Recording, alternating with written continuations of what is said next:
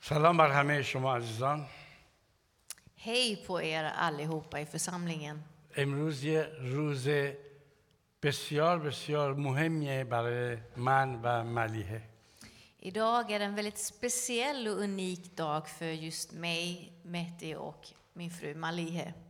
یه شادی تو دل آدم جمع میشه Det finns, det, samlas, det finns en glädje inombords. فکرشو بکنی که این بچه یه روزی میتونه بهترین مبشر باشه توی ایران Tänk att det här lilla barnet kan bli en fantastisk evangelist i Iran. اما صحبتی که امروز در قلبم با شما در میون بذارم Men det jag tänker berätta om och tala om idag, چطور میتونیم ما با خدا رفیق باشیم ja, är hur kan vi bli bästa vän med Gud, är dagens predikan. اه، کلام خدا میگه اه، اه، این آیه رو میتونیم بیاریم اه، مزمور 145 18 Vi kan visa upp eh, Saltaren 145. تو همون قد میتونی به خدا نزدیک باشی که دلت میخواد Herren är nära alla som ropar, alla som av hjärtat ropar till honom. بله چون خدا همیشه آغوشش برای ما بازه Som handlar om just att Guds famn alltid är öppen för oss. ما در رابطه معمولیمون در ارتباطاتمون سه تا سطح داریم Och i våra vardagliga liv så har vi också relationer som brukar bestå av tre olika steg. یا با هم آشنا هستیم Och antingen så är vi bekanta med varandra. هی هومردو سلام حال شما چطوره Hej, hej, hur mår du? Trevligt träffas. Ja, یا با هم دوست هستیم Eller så är vi vänner. چطوری یه روز بیا خودمون نهار بخوریم با هم بریم بیرون یه رستوران گردش کنیم Men kom hem till mig och så hälsar vi på varandra och man äter middag med varandra, man umgås och man, man ses oftare helt enkelt. یه مرحله بالاتر اینه که ما با هم رفیق میشیم Och sen har vi det tredje steget, den tredje nivån som innebär verkligen ens bästa vän, bästisen.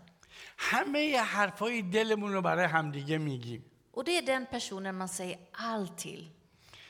با همدیگه صادق هستیم رو من- راست هستیم Man är ärlig och rak med varandra. و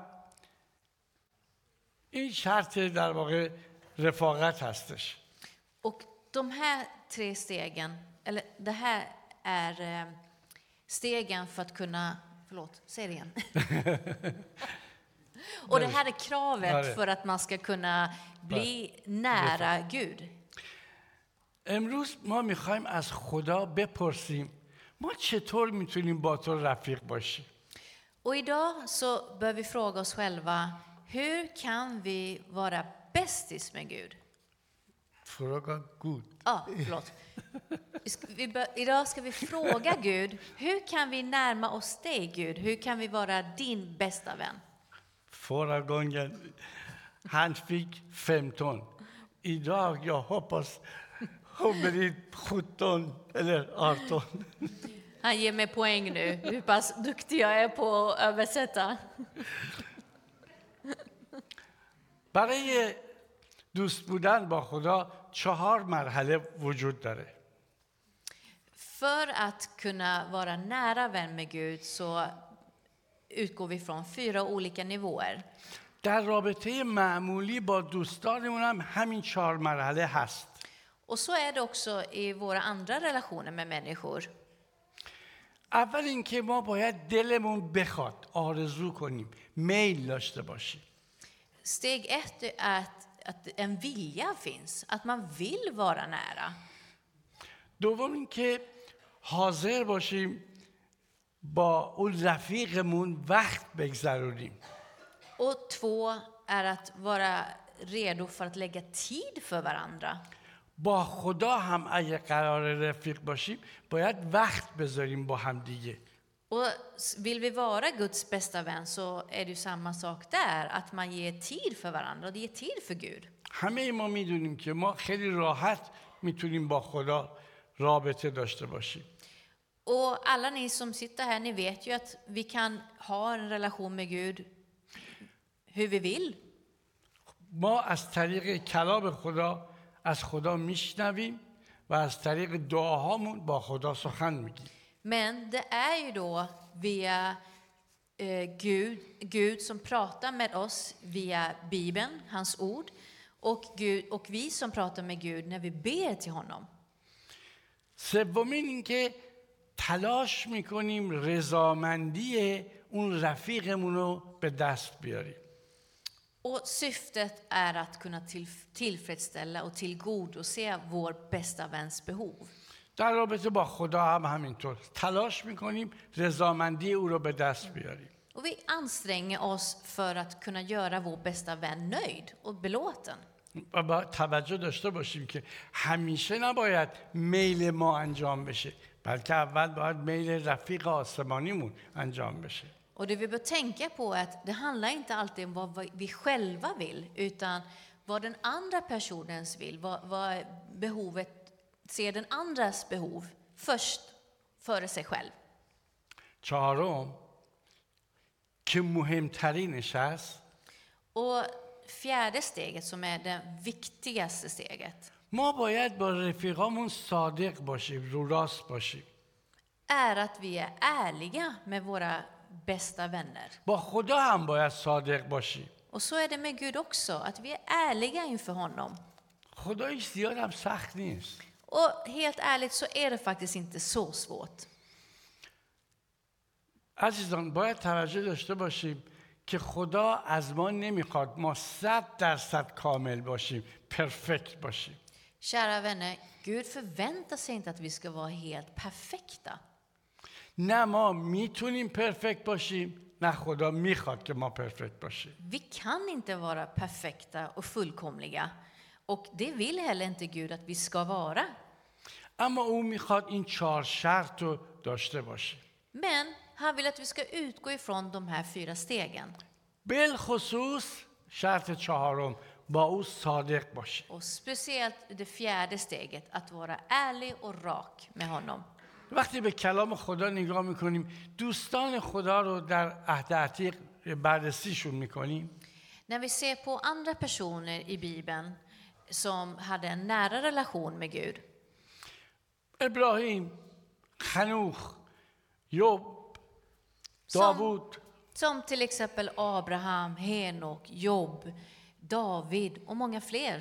هیچ کدومشون صد درصد کامل نبودن Alltså, ingen av- av de här var ju helt fullkomliga. هیچ کدومشون پرفکت نبودن De var inte perfekta. همشون ضعفای خودشونو داشتن Alla hade sina bördor och brister. ولی تمامی اون چهار شرط رو داشتن Men de här fyra stegen hade de koll på. و در خود در حضور خدا صادق بودن De var, de var ärliga och raka. یادتون میاد وقتی خدا میخواست صدوم و اموره رو از بین ببره Kommer ni ihåg när Gud ville utplåna Sodom och Gomorra?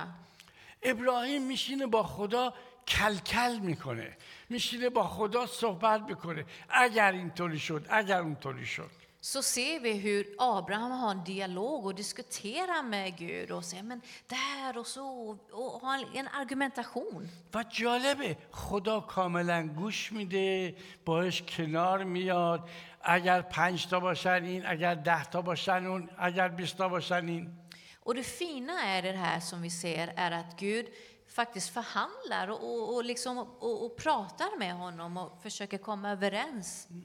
یا مثلا ایوب رو در نظر بگیرید Eller vi tittar på Jobs liv exempelvis. ایوب اولش تلخ بود Job var lite kylig och lite ilsken. خدایا چرا چرا اینطوری چرا اونطوری Gud, varför så här? Varför, varför blir det så? Och liksom en irritation. خدا چیکار میکنه Men vad gör Gud då? خدا میاد اینو قانع میکنه سعی میکنه قانعش کنه ایوبو Och han försöker istället tillfredsställa Job och lyssna på honom och ta emot ایوب honom. کجا بودی زمانی که من آسمان و زمین رو خلق کردم och säger Job, vad var du när jag skapade himmel och jord? به همین شکل ادامه میده I den här vev, ungefär den här vevan و آخرش سکوت ما ستر میبینیم آخرش میبینیم که ایوب میگه میدانم که ولی من زنده است och i slutet, i, i slutändan så ser vi hur Job säger slutligen att میدانم که ولی من زنده است خدای من زنده است خدا خدا jag, j- säger han att jag vet att min Gud är le, lever. آره اوکی Sorry. میپشتوری حالا پس